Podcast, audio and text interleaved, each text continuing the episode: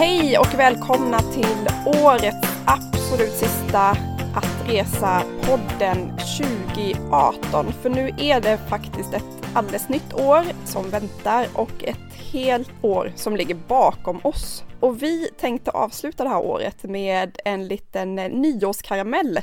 Lite så här sammanfatta hur vi har haft det 2018, hur trenderna såg ut 2018 och vad vi tänkte på och vad vi reste och vad vi gjorde.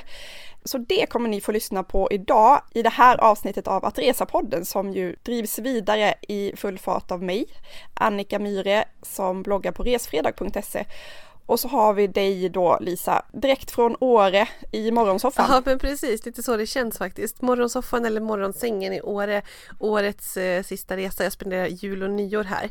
Lisa Falåker, jag har bloggat i väldigt många år på livetfråndenljusasidan.se och som sista, så här på slutet på året så passar det väl bra att informera om att jag faktiskt byter namn så från och med nu så tycker jag att ni ska ha span på letsgoexplore.se istället. Jag vill ju inkludera lite grann med alla upplevelser och resor ännu tydligare och jag har tröttnat på mitt bloggnamn sedan ganska länge faktiskt. Så att det passar väl som en nyårskaramell att släppa den informationen. Det blir jättebra Lisa att köra det här nya året med nytt namn och så lägger vi det här ljusa glättiga bakom oss och så får vi se fram. Hur är livet på den mörka sidan? Ja men exakt.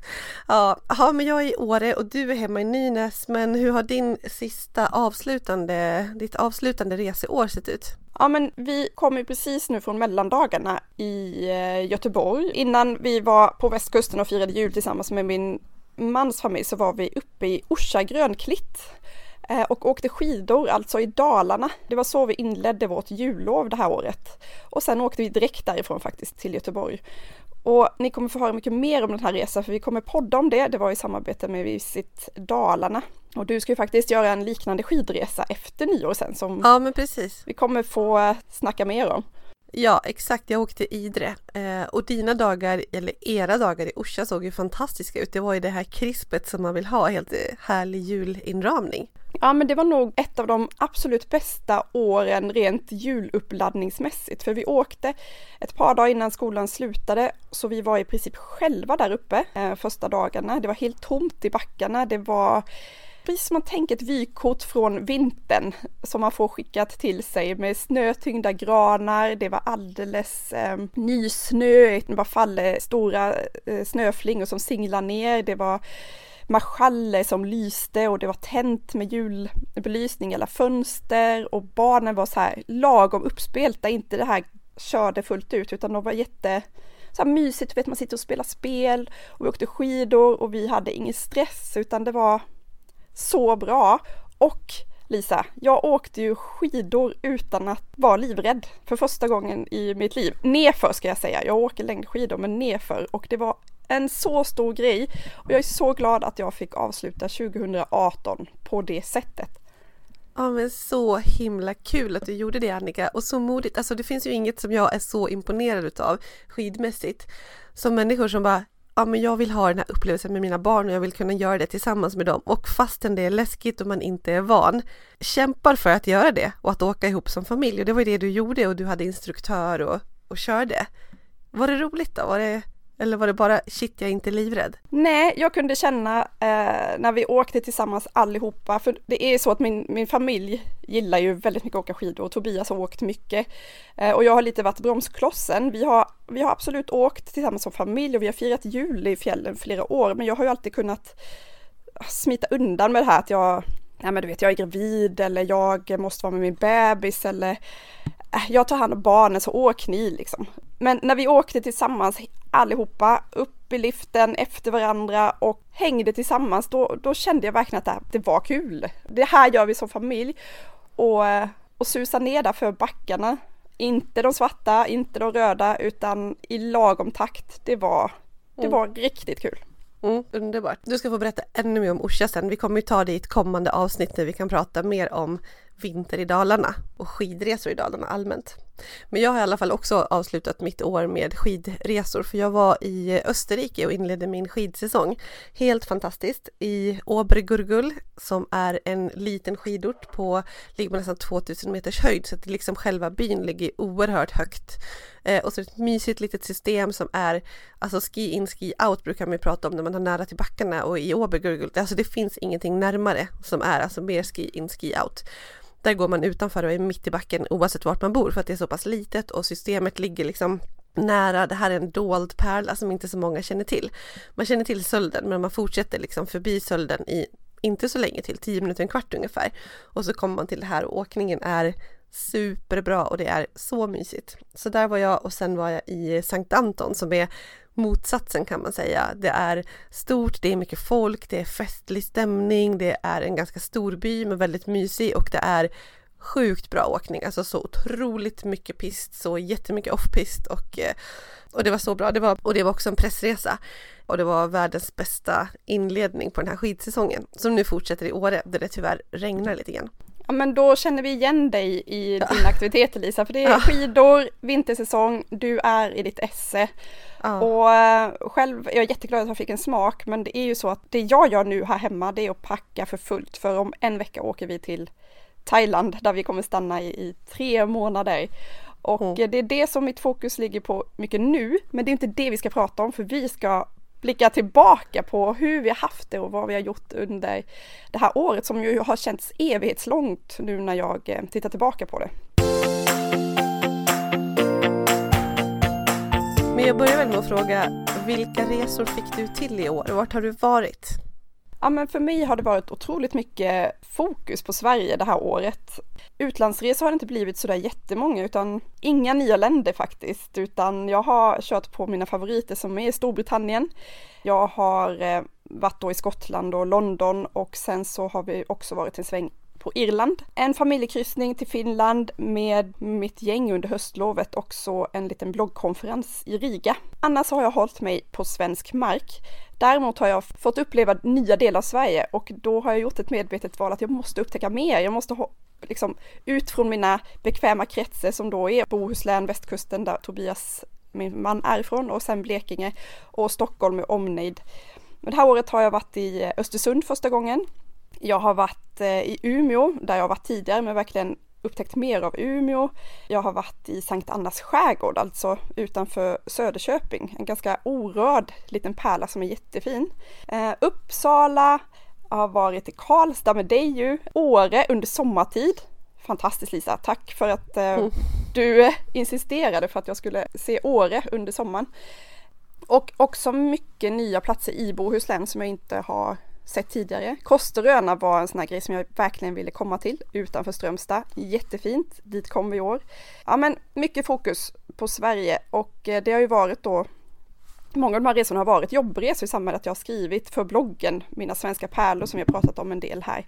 Och jag är så glad för det. Det har varit jättekul att få göra och jag hoppas och eh, planerar för att det ska bli ännu mer Sverige 2019. Ja, så har det sett ut och du då Lisa, hur var ditt resår 2018? Ja men det har varit bra. Jag tycker också att jag har hållit mig hyfsat mycket i Sverige. Eh, mycket åter till Åre många gånger men eh, också som du sa så har vi varit på några bloggresor så att jag har varit på några nya ställen och jag har varit till Riksgränsen vilket inte var första gången men eh, första gången på typ 15 år i alla fall. Eh, där jag var och åkte off-pist och gjorde så här topptur. Så det var ju väldigt nytt för mig. Men utomlands så har jag varit till eh, Indien är väl ett av de längsta och det har varit en jobbvecka i Chennai. Och jag har varit där tidigare men det var ändå, alltså, det är mycket jobb och det är det man fokuserar på. Men ändå så underbart och jag tänker, när jag tänker på alla resor det här året så tänker jag väldigt mycket på Indien för att jag känner att det är ett sånt här ställe där jag blir så gripen. Alltså den känslan som är i det landet eller den typen av länder. Så att även om det var mycket jobb och just det jag höll på med och var på ett kontor typ ja, hela dagarna verkligen. Så ja, det var en eh, superhärlig upplevelse igen. Och sen har jag varit till eh, Österrike som sagt som avslutade. Eh, jag har varit i Tyskland med dig. Vi upptäckte Dresden som ligger ett par timmar utanför Berlin. Och Just var det. superhärligt. Ja, jag gillade verkligen det. Det glömde jag säga. Det hade jag ju totalt glömt. Såklart vi har varit i Tyskland Lisa. Det var ju en av de bästa resorna. Mm. Ja.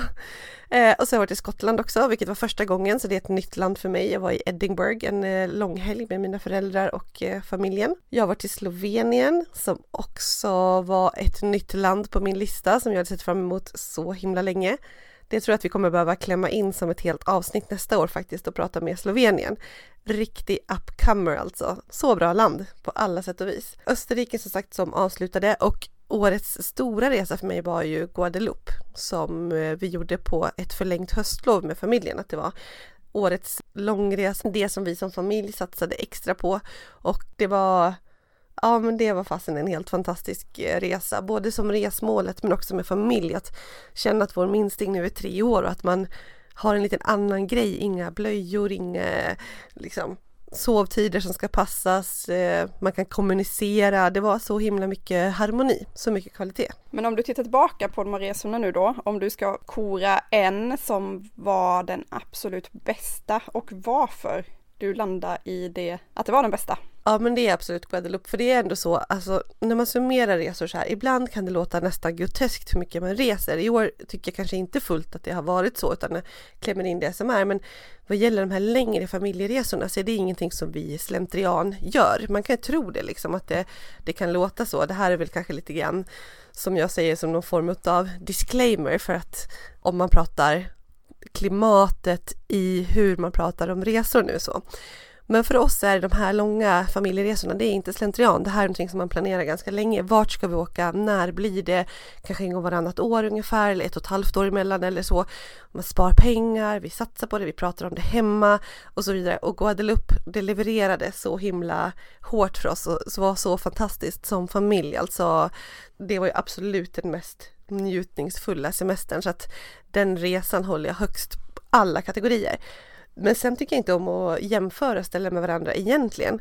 Eh, men jag är också väldigt glad över den upplevelsen som jag gav mig själv när jag gjorde Riksgränsen som var någonting nytt för mig, liksom att upp och topptura och det här och en helt ny naturupplevelse att vara ute och gå liksom i naturen på det sättet. Så att den är absolut en sån som jag som hänger kvar. Men sen har man varit på nya pärlor och nya länder och sett så, så himla mycket intressant och kul och bra så att ah, jag vill inte egentligen säga något men, men så var det för mig. Och du då, vad håller du högst om man ska försöka att göra ett urval där? När jag tänker tillbaka på året så är det ändå den tiden eller de dagarna, eh, tio dagar ungefär var jag tillsammans med Nelly i Skottland och det är väl inget som förvånar någon att det är Skottland jag säger, jag brukar återkomma till det och det är väl just att jag trivs så bra i de miljöerna och så har jag min syster där och den här resan gjorde jag tillsammans med två andra syskon så vi var liksom fyra syskon på plats.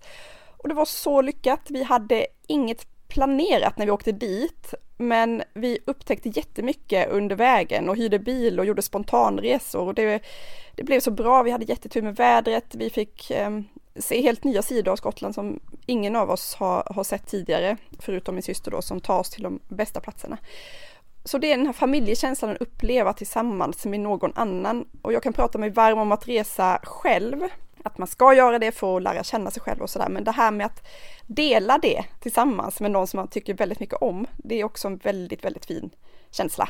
Det tar jag med mig från det här året. Och pratar vi Sverige, ja men det här med närtidsminne, nu har jag de här dagarna från Orsa, Dalarna tillsammans med familjen i minnet och det är de som kommer naturligt. Vi har haft det så bra där. Det är det som, eh, som ligger närmast till hands.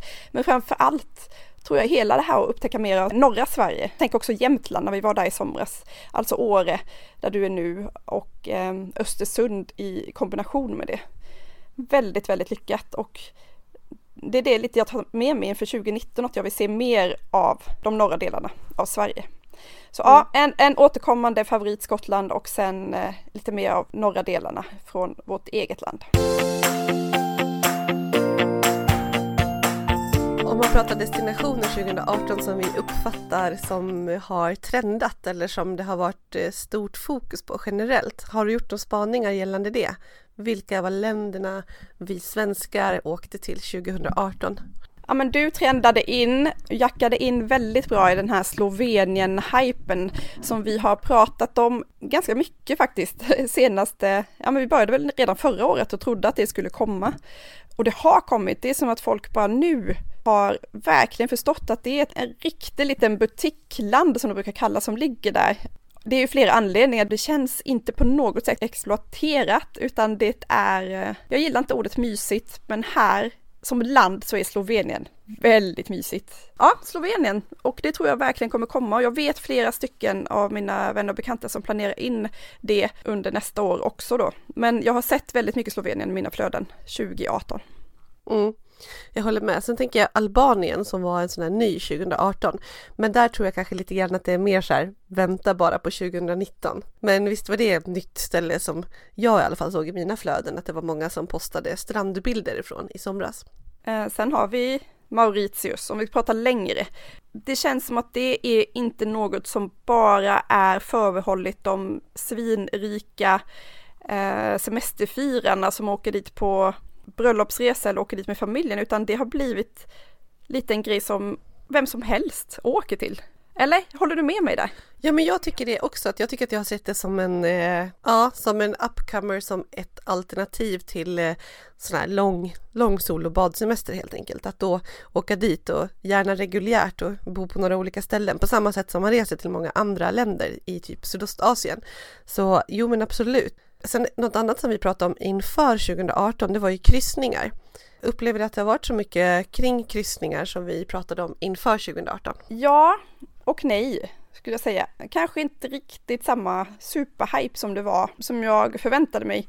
Eh, det är absolut ett alternativ och jag tror att de flesta funderar över det. Och sen att ta steget när det väl ska bokas jag vet inte om det blir så. Nej men jag håller med dig för jag trodde att det här boomar verkligen och eh, det var ju så mycket folk när vi var iväg för exakt ett år sedan och jag känner att det här det ökar. Men jag vet inte heller, jag tycker inte att jag har sett det så mycket. Å andra sidan så är det väl nu som det är högsäsong och kommer vara ett tag till för just Karibienkryssningar. Och jag har några bekanta som är iväg just nu. En eh, bloggtjej som jag gillar skitmycket, Beata Tjata.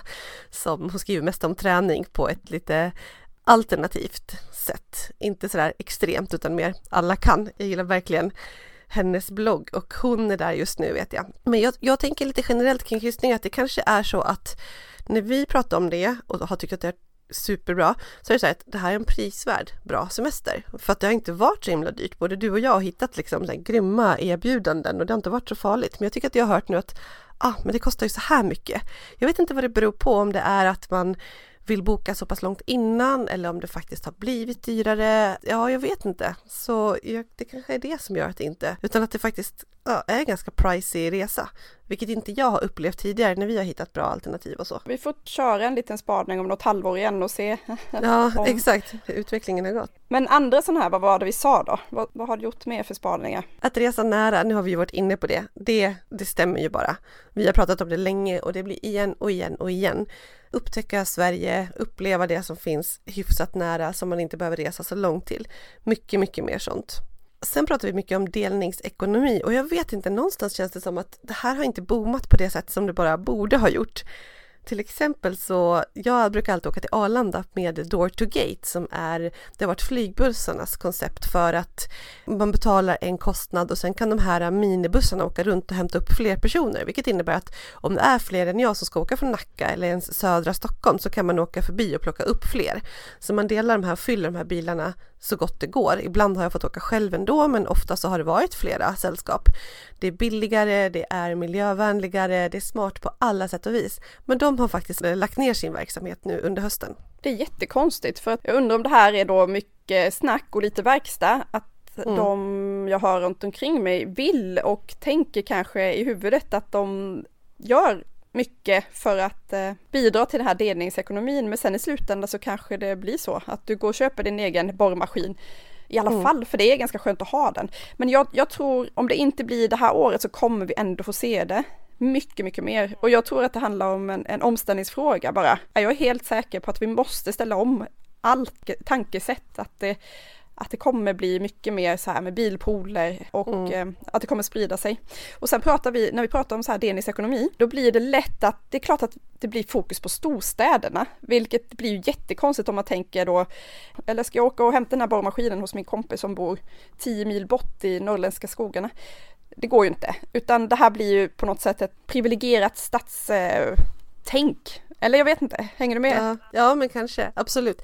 Jag tror att en annan sak också är att eh, det handlar lite grann om digital mognad. Pratar vi door to gate så vet jag inte hur många gånger jag har suttit i den bilen på Arlanda och folk står utanför och vet inte hur det funkar. Man ska skriva in i appen att nu har jag kommit och chauffören har fått hjälpa till och bara men det står ju här i din app att att din bil som du ska åka med heter 142. Den här bilen står det ju 80 på och folk bara förstår inte och blir arga och de här stackars chaufförerna som har varit helt fantastiska. Alltså shit, nu sitter jag och hyllar Door to Gate. Jag borde ha gjort det för ett halvår sedan. Men i alla fall så tror jag kanske att det handlar lite grann om att de här tjänsterna måste vara så himla enkla och vi som nyttjare måste vara mogna för det. Eh, och nu läser jag någonstans inför en trend 2019 som vi kommer prata i nästa avsnitt om just så här eh, mer smart resande och mer typ eh, artificiell intelligens och hur vi ska nyttja sånt där. Och jag tror inte vi är där ännu, så det kommer vi nog inte prata om i trendavsnittet. Men jag tror att det kanske är det som är grejen också, att det måste vara enkelt så att man kan gå från tanke till handling på ett enkelt sätt. Intressanta tankegångar. Nej, men sen har ju vi snackat väldigt, väldigt mycket om secondary cities för personlig del att det är det som vi vill uppmuntra till och som vi tror kommer komma också väldigt mycket mer. Alltså att de här klassiska turistresemålen som vi alla vill åka till, London, Rom, Paris, Berlin. Vi måste och att vi bör se utanför dem och faktiskt ta sikte på lite mindre städer och orter som ligger kanske inte jättelångt bort. Man kan kombinera det absolut med någonting som ligger någon timme bort som vi gjorde nu i Berlin och Dresden. Eh, så det här trodde vi på inför 2018, men jag tror att vi har en del jobb kvar där Lisa att göra för att verkligen ja, lyfta det här. Ja, men precis och det handlar ju om hållbarhet också, eh, hållbar turism då, alltså att inte bara åka till en och samma stad utan se annat, sprida de pengarna som man faktiskt lägger på ett resmål så här, till andra destinationer, se annat för att det inte ska vara för liksom trångt. Blir fel ord för trångt så är det ju kanske inte. Men att resmål blir uttjänta och det finns så mycket mer att se helt enkelt. Och det har med hela upplevelsegrejen också att eh, man kan få se mycket mer och häftigare grejer genom att faktiskt ge sig iväg lite grann.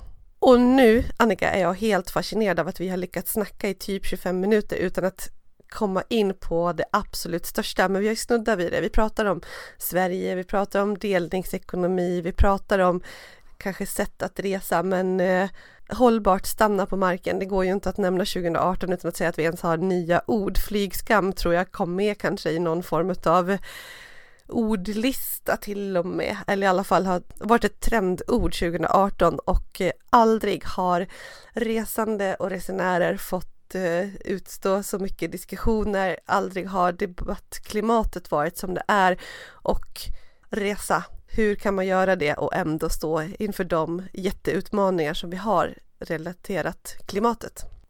Ja, för vet du, om någon skulle läsa de enormt långa chattkonversationerna som du och jag producerar då varenda vecka, så är det en väldigt stor del av de här som under det här året har handlat om våra tankar och känslor inför allting som skrivs, allting som diskuteras, våra egna tankar om det här och hur, hur ska vi relatera till det här? Vad ska vi göra? Hur ska jag tänka? Ska vi sluta resa Lisa? Ska vi lägga ner podden? Kan vi ens prata om att resa i de här sammanhangen? Alltså det har varit verkligen revolutionerande. Och det här är någonting, vi pratar resetrender nästa avsnitt, men det här är ingen resetrend, det här är ett genombrott som kommer påverka vårt resande från nu och all framtid framöver i Sverige. Jag tror absolut inte att det ser ut så här eh, på många andra delar av vårt jordklot, men i Sverige har vi sett ett, ett genombrott som sagt och det började någonstans precis efter nyår förra året, så för ganska exakt ett år sedan så började det dyka upp debattartiklar som handlade om eh, att vår jord håller på att, ja, typ förstöras. Vi måste gå in och göra någonting och därifrån rullade det på. En hashtag som vi pratade om är den här jag stannar på marken, vilken ju redan fanns. Det var inget som skapades inför det här. Det fick på något sätt bli symbolen för den här debatten som pågick. Och hur ska vi, hur ska vi gå vidare med det här Lisa? Vad, vad kommer hända och hur ska vi se tillbaka på det som har varit? Ja, men jag tror att just i egenskapet av nyårskaramell här och att vi tittar på 2018 så tycker jag vi kan konstatera just det som du sa att vi har utmaningar som vi alla måste förhålla oss till och vi har ställningstaganden som måste göras och det kan vara också ett ställningstagande att nej men jag vill fortsätta resa men jag vill göra det på ett annat sätt eller jag vill fortsätta resa och jag gör det med flyg. Jag kanske vill klimatkompensera eller jag bryr mig inte. Alltså det kommer ju finnas alla delar på skalan och alla individer kommer göra olika val.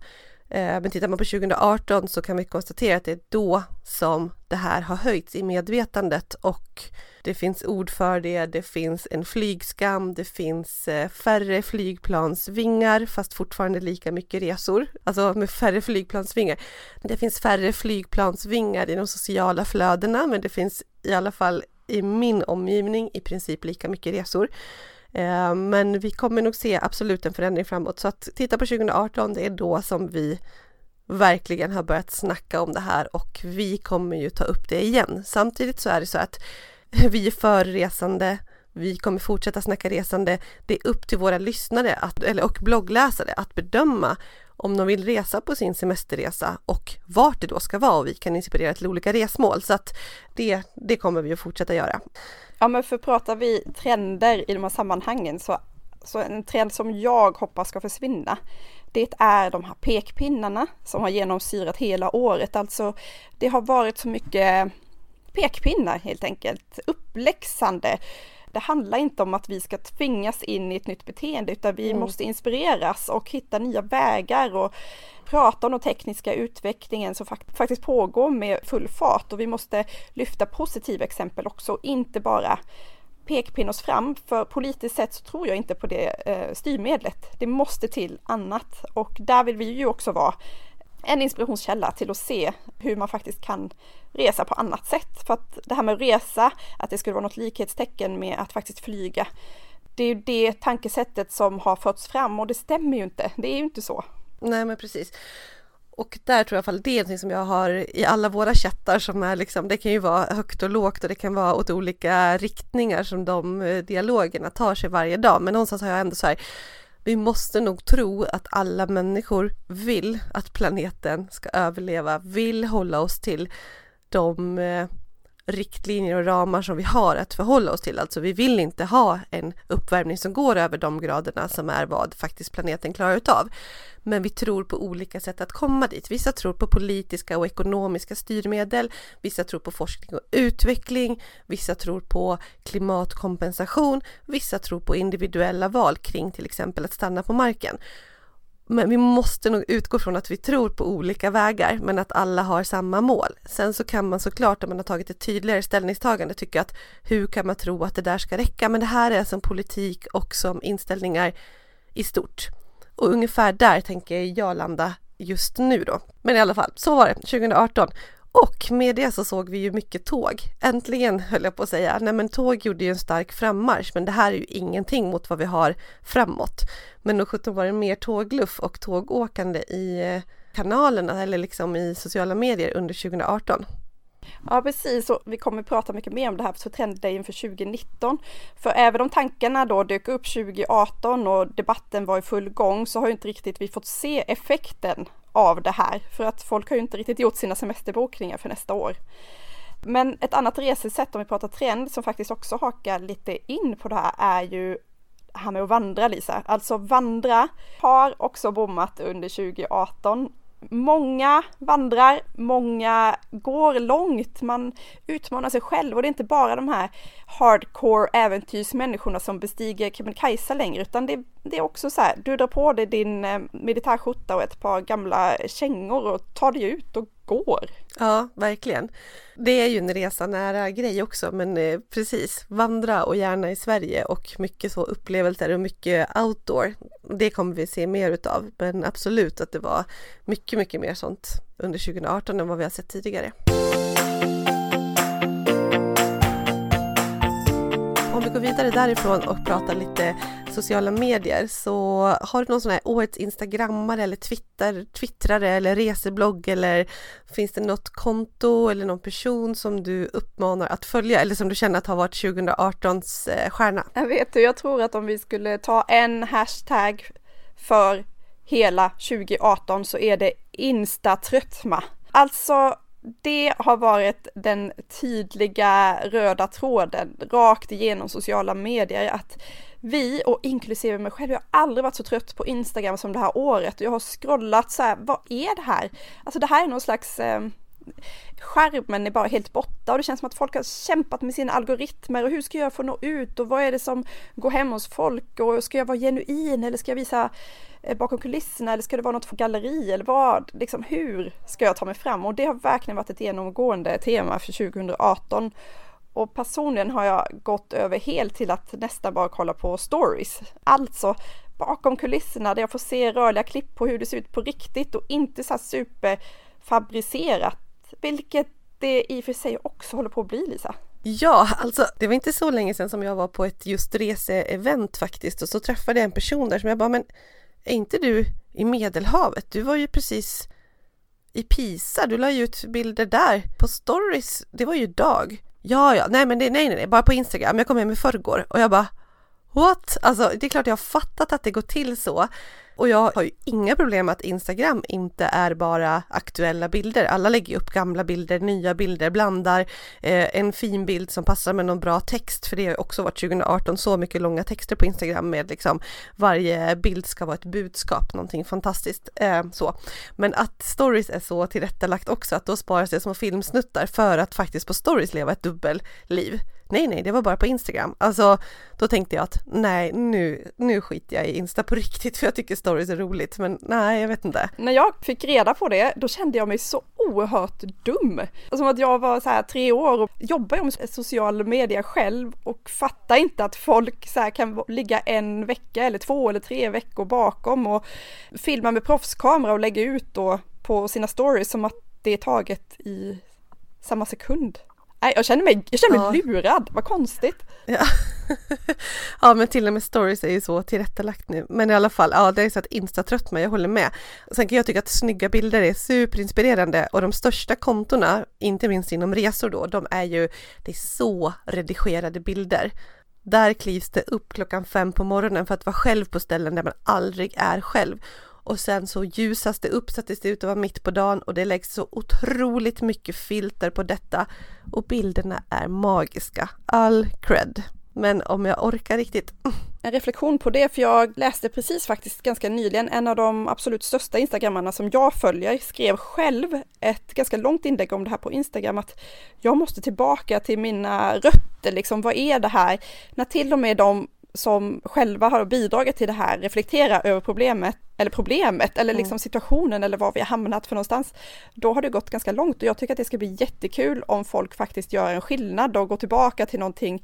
För hur ska man kunna gå tillbaka där vi har hamnat med då katalogbilder, tillbaka till någon bild tagen på språng? Så kommer det inte bli heller. Men jag ser fram emot att se var, var det kommer ta vägen. Men vi kan ju då konstatera att 2018 var Instagram tröttmans år. Och pratar vi Twitter, det har ju nästan, det känns lite som att det håller på att dö ut igen det här året också. Jag har personligen använt det jättemycket för att följa politik och eh, det här valet som är en helt annan historia, ska vi inte gå in på nu. Men eh, det tycker jag är ett jättebra sätt att snabbt få uppdateringar i realtid till skillnad från Instagram då. Men om du ska säga någon då, har det funnits någon som har stuckit ut som du vill lyfta? Ja, men min favorit genom året har varit eh, Yoga Girl, hon som är från Sverige, Rachel Bråten heter hon väl, eller Braten eh, som bor på Aruba. Jag tycker att hon har haft, jag tycker det har varit jättekul att följa henne. Jag har ju kämpat på själv med min yoga och sådär eh, och faktiskt hittat njutningen i det. Men det är därför jag har följt henne, för jag tycker att det är roligt att följa hennes, eh, hur hon har tagit sitt community till något helt annat, alltså att hon har gått från att bara vara den här tjejen som yogar och står på en stand-up paddleboard till att faktiskt föra ut ett budskap utan att det blir för mycket. Och jag har uppskattat hennes kommentarsfält och läsa Folk är verkligen engagerade. Ja, Yoga Girl blir min stora favorit för 2018. Men du har ingen sån här Instagram, Twitter favorit Lisa eller? Nej, men just nu har jag faktiskt inte det. Eh, jag gillar Anna Brolin på Instagram, hon visar lite av varje och hon reser mycket och eh, det är allt från Biggest Loser till familjeliv till eh, resor, Mauritius bland annat nyligen. Men annars alltså, nej jag har inte någon stor favorit, jag vet inte nu nämnde jag henne, jag skulle likväl kunna nämnt ingen, typ så. Och jag, får, jag är fortfarande in på Instagram varje dag, absolut. Men i bloggvärlden har du favoriter, det vet jag. Jag tycker nog att eh, 2018, 4000 mil.se, de går från klarhet till klarhet. Sjukt roliga, intressanta resor som de gör på sitt eget sätt, där man riktigt kan ta på kärleken till resor, till destinationer, till upplevelserna. Skriver humoristiskt, eh, underhållande. Fotona är bra, det kanske inte är som de extremaste men tillräckligt bra för att förstärka deras stories och att de är fina att titta på. Så att eh, ja, 4000 mil vill jag höja för 2018. Nej men jag håller verkligen med Gunilla då som skriver de, jag tror att hon skriver de allra flesta texterna. Hon skulle kunna jobba som eh, krönikör eller, alltså hon har ett sätt att fånga in mig i texten från första meningen som gör att jag bara vill läsa vidare, vad händer sen? Och du vet, jag, jag kommer på mig själv och skratta högt liksom och, och hon har jättefina reflektioner och ja, 4000mil.se om ni inte har eh, läst den så gör det. Jag tror att det är Sveriges bästa reseblogg just nu. Ja, verkligen. Det finns flera olika dimensioner i varje mening, vilket är superhäftigt. Och det känns som att det kommer liksom helt naturligt. Har det hänt något annat under 2018? Finns det någon reseaktör som du vill eh, lyfta eller någon happening i, i resebranschen? För egen del så eh, har jag sällan hört så mycket ord lyftas som en specifik reseaktör som det här året. Och det håller en linje med det som vi redan pratat om, eh, om tågresor. Jag har hört Centralens resebutik i Kalmar så många gånger det här året. Alltså en eh, resebyrå då som fokuserar på att hjälpa folk med att boka tågresor ut i Europa och de har hållit på jättelänge, men nu har de verkligen fått sin revival liksom, att folk lyfter dem hur mycket som helst, det här personliga, att man får hjälp. Jag tror i och för sig att de efter det här året är helt fullbokade och jag har hört många som inte har fått liksom svar på sina mejl av naturliga skäl, för jag gissar att de eh, går på knäna nu av alla förfrågningar. Om vi ska hoppa över då till att ta några snabba punkter så kan vi prata om årets resefilm bio, Lisa. Vad har du där? Ja men bio ser jag, alltså jag går aldrig på bio, jag är inte så mycket för film generellt. Det jag har konsumerat, tittat på i den genren som har fått mig inspirerad till resor under 2018, det är SVT-produktionen Världens sämsta indier. Har jag pratat om det i bloggen tidigare? Ja, eller podden, ja, jag tror faktiskt att du har nämnt det. I podden? Ja, i bloggen vet jag att jag har nämnt det, men jag har nog nämnt det i, i podden också. Eller, jag är helt snurrig nu. Jag tror att jag har eh, skrivit om det i bloggen i alla fall. Jag vet inte om jag har nämnt det här i podcasten. Men i alla fall, det är David Batra som är eh, utsänd att eh, prova på en massa yrken i Indien. Det börjar egentligen på att han säger till sin pappa att, ja men som är indisk då, att jo men jag skulle kunna leva i Indien, jag är ganska indisk av mig. Och pappan bara, du skulle inte klara dig en dag. Och David Batra då har rest till Indien för att bevisa att han visst kan vara en bra indier och eh, testar olika yrken. Alltså du vet, han är allt från eh, så här, försäljare utav livsmedel där han cyklar runt på en cykel och ska sälja ägg till att han eh, jobbar på du vet, datakonsultbolag och ska sitta i någon support någonstans. Alltså det är så sjukt kul och det berättar också så otroligt mycket om den indiska kulturen. Jag har inte varit i Indien supermycket så, men när jag har varit där har jag jobbat. Jag har varit ledare för indiska personer i många år. Jag har haft jättenära relation med många indier. Jag har haft dem hemma hos mig. Jag har haft diskussioner om allt från jämställdhet till utveckling till landet. Och när jag har varit där så har jag varit i kontorslandskapen. Jag vet exakt. De har också varit de som har tagit med mig ut och berättat om vad de gör så att jag även om jag liksom har några veckor i, i Indien så, så har jag ganska bra koll skulle jag säga. Alltså den här serien, den är, den är mitt i prick och det är, så, det är så himla himla kul. Och sen har han med sig Malin Mendel som är SVTs korrespondent i Indien. Och hon har ju väldigt stor koll på kulturen och precis allt och politiska läget och väldigt mycket annat. Så hon kan liksom lägga in den dimensionen och utmana honom. Och hon pratar liksom lite indiska och hon är väldigt mycket mer integrerad i det indiska samhället och ändå ser väldigt svensk ut. Så den kontrasten då mot David Batra som är halvindier och har lite mer, tycker han själv då, indiskt utseende. Alltså kontrasten är underbar. Se världens sämsta indier. Jag tror att den finns på SVT Play. Är det en hel serie eller är det bara ett avsnitt eller hur funkar det? Nej, ja men det är en hel serie. Jag tror att det är typ 8-10 avsnitt som bara är kanske 20-25 minuter långa så det är väldigt kort.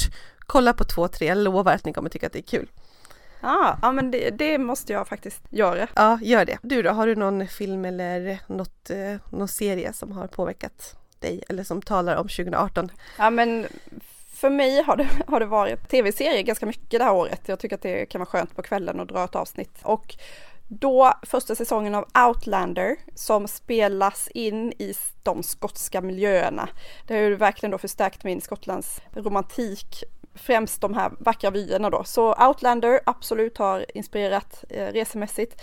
Bio har jag inte sett så mycket, men efter att ha sett A Star Is Born, kanske årets film på bio, om jag kollar på mina flöden då, då blev jag väldigt sugen på USA igen och igen och igen. Vill väldigt gärna åka dit snart. Men en annan USA-inspirerad grej på tv-skärmen Lisa, det är ju faktiskt din bekanta som varit med och spelat in en reklamfilm som måste vara årets bästa eh, rent resemässigt. Ja just det, du tänker på det tv bolag eller bredbandsbolag, vilket nu man ska se det som, men eh, där de flyger över amerikanska nationalparker. Den är ju så mäktig. Den får mig längta efter USA också. Ja, men den är, den är... Eh, kom hem ja, ja, den är ja. riktigt, riktigt snygg. En liten kille, en liten pojke som sitter i ett flygplan och flyger över de här rödfärgade, rostfärgade eh, bergen. Mycket, mycket, mm. mycket, mycket USA-längtan på den.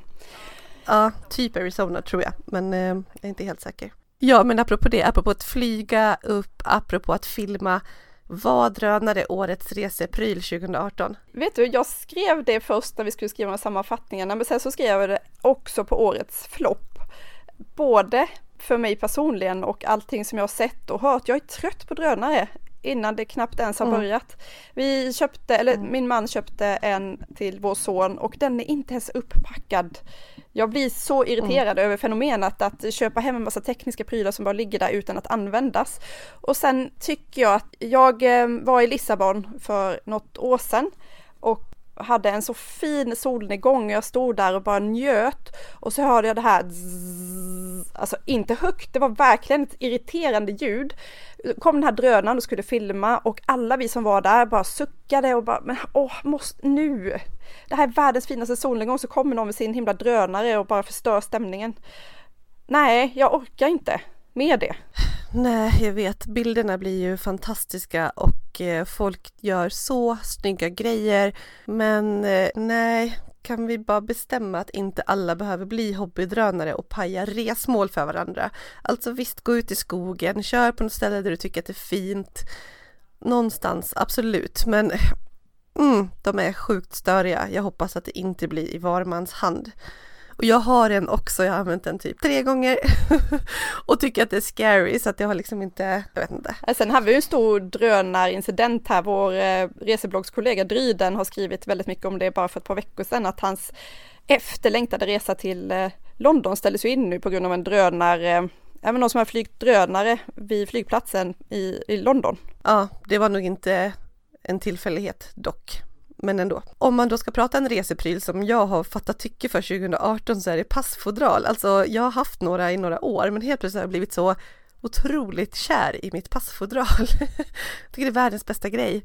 Men vad, vad är det mm. med passfodral? Det är ändå en liten oväntad årets resepryl 20, 2018 måste jag säga. ja men det är bara för mig själv liksom. Nej men det är mer att Nej men det är härligt att slå in passet i ett fodral och det är smidigt att ha de här uh, olika valutorna liggande i just passfodralet och veta vart du har dina saker och det skyddas lite grann och sådär. Så att ja, jag har bara utvecklat en kärlek för mitt passfodral. Mm, mycket intressant. Vad har du för något då? Uh, jag har ett svart i skinn. Det kommer jag nog köpa fler utav. Det kanske blir en grej, fast då kommer jag ju inte hitta rätt pass och ha valutorna där i så att det får jag inte göra. Ja men i alla fall. En annan grej är ju ryggsäckar. Det här året har exploderat för ryggsäckar för mig. Jag brukar få grejer ibland från Osprey, så här pressutskick. Jag väljer själv om jag skriver om dem eller inte. Ibland skickar jag tillbaka, det är lite olika så. Och det har ju hänt så jäkla mycket på utvecklingsfronten där. Och eh, jag älskar mina ryggsäckar från Osprey. Jag har någon skidåkarryggsäck, jag har någon vandringsryggsäck, alltså och någon såklart reseryggsäck. Jag älskar de här nya funktionerna. Ja, så det har varit så här 2018 underbara väskor. Ja men där kan jag ändå hålla med dig med, med väskorna. Det har också blivit en liten grej för mig eh, det här året. Det är lite som, jag har haft det här tidigare för skor. Cecilia Blankens skor kan jag köpa precis hur många som helst. Jag tycker att det finns ett par skor för varje tillfälle. Och nu inser jag att jag börjar bli lite samma för väskor. För hur den är så tycker jag att det finns en väska för varje tillfälle. Och då pratar jag verkligen inte handväskor. Jag har väldigt få handväskor utan det är ryggsäckar, handbagage, resväskor och ändå har jag inte riktigt det där riktigt stora resväskor som, som jag behöver. Så jag inser att jag måste, jag fyller på. Nu senast eh, köpte jag på Black Friday ett handbagage från Thule som jag ju tycker om väldigt mycket, det, det varumärket. Så ja, det finns väskor. Kan det verkligen bli årets resepryl? Inte supermodernt. Nej måste jag säga. Nej, härligt att resor får vara lite analoga också. Om vi nu ska knyta ihop det här avsnittet, för det blir långt. Jag hoppas att ni har gillat att lyssna på lite nyårskarameller och sen gör er redo för att lyssna på 2019 års trendspaning i nästa avsnitt.